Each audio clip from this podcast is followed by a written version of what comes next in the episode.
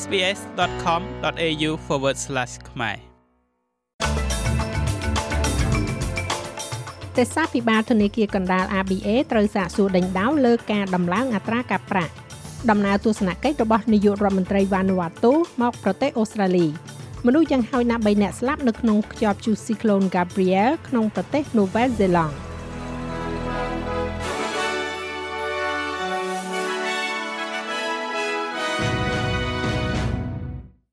ទេសាភិបាលធនាគារកណ្ដាលនៃប្រទេសអូស្ត្រាលី ABA លោក Philip Lowe ឥឡូវនេះកំពុងប្រឈមមុខទៅនឹងការត្រួតពិនិត្យពីសភា បន្ទាប់ពីការដំឡើងអត្រាការប្រាក់ថ្មីៗជាបន្តបន្ទាប់វាកាត់ឡើងបន្ទាប់ពីការដំឡើងអត្រាការប្រាក់លើកទី9ដើម្បីទប់ទល់ទៅនឹងអតិផរណាជាមួយនឹងការកើនឡើងនាពេលថ្មីៗនេះដល់3.35%កាលពីសប្តាហ៍មុនដែលជាការកើនឡើងចុងក្រោយបំផុតនៅក្នុងវត្តគោលនយោបាយនេះ ធនាគារកណ្ដាលបានព្យាករណ៍ពីការកើនឡើងអត្រាការប្រាក់បន្ថែមទៀតដើម្បីប្រយុទ្ធប្រឆាំងទៅនឹងអតិផរណា ដែលបានកើនឡើង7.8%ប្រចាំឆ្នាំនៅក្នុងត្រីមាសខែធ្នូ។លោកលូវេអះអាងថាការងាររបស់ធនាគារកណ្ដាលគឺធ្វើឲ្យប្រកាសថាអតិផរណាបន្តធ្លាក់ចុះ The uh, the decision making really is um ការសម្រេចចិត្តគឺពិតជានៅជុំវិញចំណុចកណ្ដាលគឺជាគោលដៅអតិផរណា និងលទ្ធផលអតិផរណាអតិផរណានៅពេលនេះគឺ7.8%គឺខ្ពស់ពេកវាត្រូវតែធ្លាក់ចុះនោះគឺជាការពិចារណាចម្បងរបស់យើងនៅពេលដែលយើងធ្វើការសម្រេចចិត្តរបស់យើងជារៀងរាល់ខែយើងកំពុងមើលទិន្នន័យអតិផរណាទិន្នន័យនៅលើទីផ្សារការងាររបៀបដែលការចំណាយរបស់ក្រុមគ្រួសារកំពុងវិវត្តនិងរបៀបដែលសេដ្ឋកិច្ចពិភពលោកកំពុងវិវត្ត រដ្ឋសភាដែនដីភាគខាងជើងបានអនុម័តច្បាប់ថ្មីដែលដាក់ឡើងវិញនៅការហាម5គ្រឿងស្រវឹងនៅទូទាំងដែនដីនេះក្នុងអ្វីដែលក្រមប្រឆាំងនៅក្នុងដែនដីភាគខាងជើង កំពុងហៅថាជាគោលនយោបាយបកក្រោយពីគណៈបក Labor ច្បាប់នេះបានឆ្លងផុតសភាការពីយប់មិញហើយគេរំពឹងថានឹងចូលជាធរមាននៅចុងសប្តាហ៍នេះ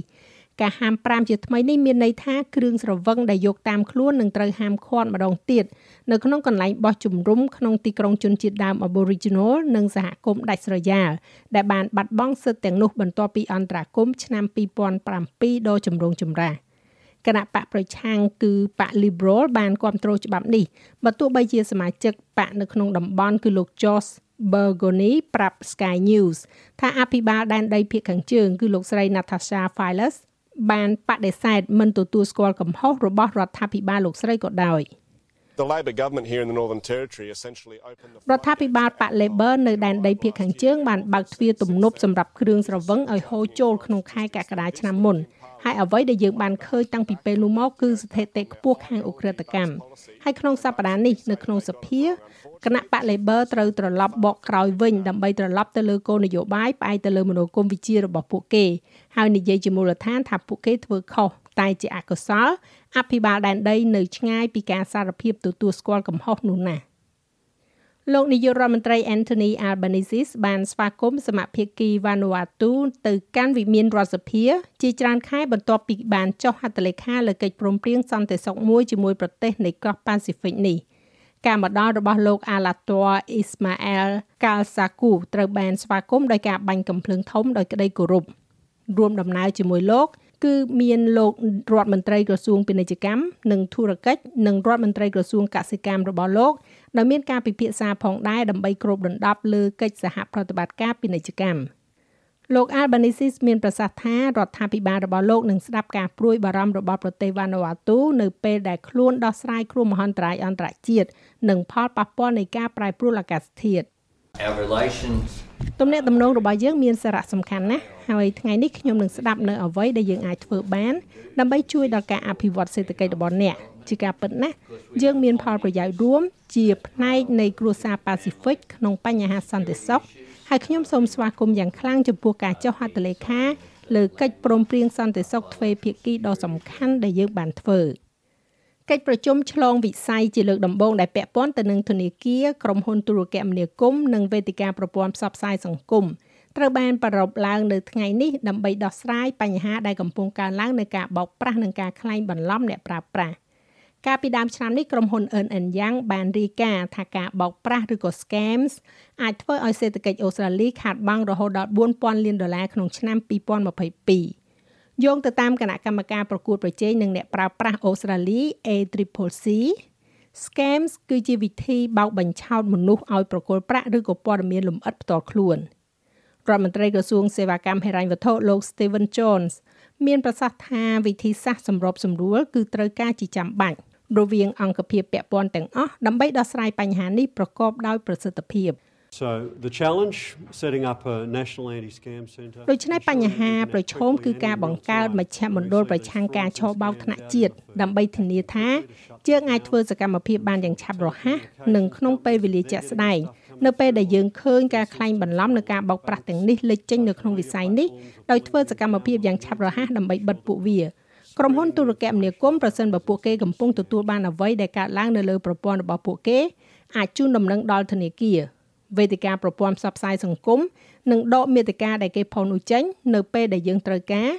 ដើម្បីធានាថាយើងមិនផ្សព្វផ្សាយព័ត៌មានអំពីការបោកប្រាស់ដ៏អាក្រក់ទាំងនេះទេ ភ្លើងឆេះព្រៃដ៏ធំមួយបានបន្តធ្វើឲ្យក្រុមអ្នកពន្លត់អគ្គិភ័យប្រឈមទៅនឹងការលំបាកនៅតំបន់ Western Downs នៅរដ្ឋ Queensland ខណៈដែលភ្លើងបានបំផ្លាញសំណង់រាប់សិបកន្លែងក្នុងតំបន់នេះ។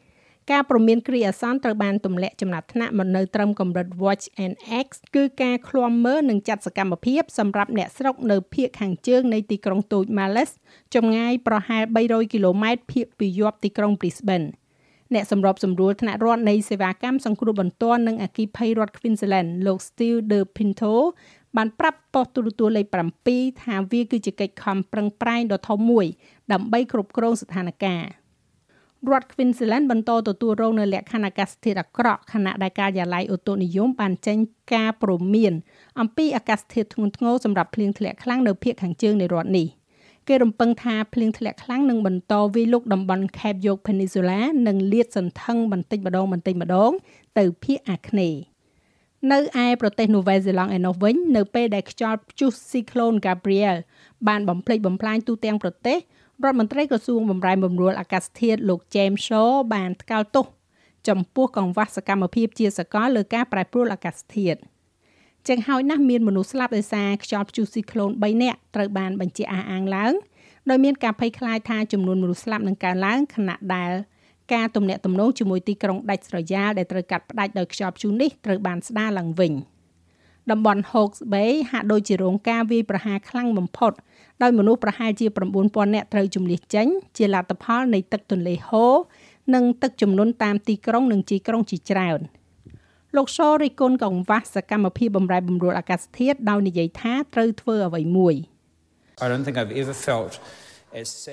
ខ្ញុំគិតថាខ្ញុំមិនធ្លាប់មានអារម្មណ៍សោកស្ដាយឬក៏ខឹងនឹងទស្សវត្សដែលបានបាត់បង់នោះទេដែលយើងបានចំណាយពេលជួបប្រកែកគ្នាថាតើការប្រែប្រួលអាកាសធាតុពិតឬអត់ថាវាបណ្ដាលមកពីមនុស្សមែនឬអត់ថាវាអាក្រក់ឬក៏អត់ថាតើយើងគួរធ្វើអ្វីមួយអំពីវាឬអត់ ព្រោះវាច្បាស់ណាស់នៅពេលនេះហើយប្រសិនបើយើងមិនធ្វើសកម្មភាពទេ វានឹងកាន់តែអាក្រក់ទៅអាក្រក់ទៅក្នុងប្រទេសកម្ពុជាកាលពីរសៀលម្សិលមិញលោកនាយករដ្ឋមន្ត្រីហ៊ុនសែនបានប្រកាសសម្រេចផ្ដល់ក្របខ័ណ្ឌរដ្ឋដល់បុគ្គលិកវិទ្យុ VOD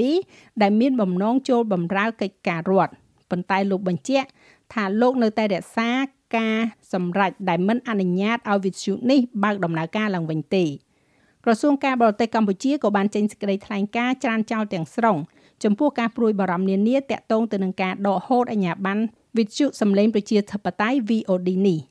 ការចេញនូវសេចក្តីថ្លែងការណ៍របស់ក្រសួងការបរទេសនេះបានធ្វើឡើងបន្ទាប់ពីអ្នកកសែតសង្គមស៊ីវិលនិងស្ថានទូតបរទេសមួយចំនួនបានស្នើឲ្យរដ្ឋាភិបាលកម្ពុជាត្រួតពិនិត្យនិងពិចារណាឡើងវិញចំពោះចំណាត់ការលើវិទ្យុ VOD នេះ ចាស់ឲ្យលោកមេងផល្លានឹងជួនសេចក្តីរាយការណ៍លម្អិតនៅវគ្គក្រោយបន្ថែមទៀតឬលោកអ្នកអាចស្ដាប់របាយការណ៍ពេញលើគេហទំព័ររបស់យើងនោះគឺ sbs.com.au/ ខ្មែរនៅក្នុងព័ត៌មានកីឡាវាយកូនបាល់ថេននីស ប្រធានសហព័ន្ធកីឡាវាយកូនបាល់អន្តរជាតិនិយាយថាมันមានគម្រោងផ្លាស់ប្ដូរទម្រង់នៃការប្រកួត Davis Cup Tournament នោះទេទោះបីជាមានការមិនពេញចិត្តយ៉ាងទូលំទូលាយចំពោះការផ្លាស់ប្ដូរនេះក៏ដោយចាប់ពីឆ្នាំនេះទៅវគ្គចែកក្រុមនឹងធ្វើឡើងនៅទីលានចំនួន4ចាប់ពីថ្ងៃទី12ខែកញ្ញាដោយមាន16ក្រុមក្នុងនោះ8ក្រុមឡើងទៅវគ្គបន្តនៅម៉ាឡាហ្កាក្នុងខែវិច្ឆិកា កាលពីមុនមានការប្រកួតនៅក្នុងផ្ទះនិងនៅខាងក្រៅទឹកដីមួយជុំបន្ទាប់មកមានការប្រកួត18ក្រុងនៅទីក្រុងមួយសម្រាប់រយៈពេលមួយសប្តាហ៍ប្រធានក្រុមអូស្ត្រាលីលោក Leighton Hewitt បានសោកស្ដាយចំពោះការបញ្ចប់ទំនាក់ទំនងនៅក្នុងផ្ទះនិងខាងក្រៅនេះប៉ុន្តែប្រធាន ITF លោក David Haggerty មានប្រសាសន៍ថាអង្គភាពនេះពិតជារំភើបជាមួយនឹងទម្រង់ដែលពួកគេមាន ចំណែកឯអត្រាប្តូរប្រាក់វិញ1ដុល្លារអូស្ត្រាលីមានតម្លៃប្រមាណ69សេន8ដុល្លារអាមេរិកត្រូវនឹង2860រៀលប្រាក់រៀលខ្មែរ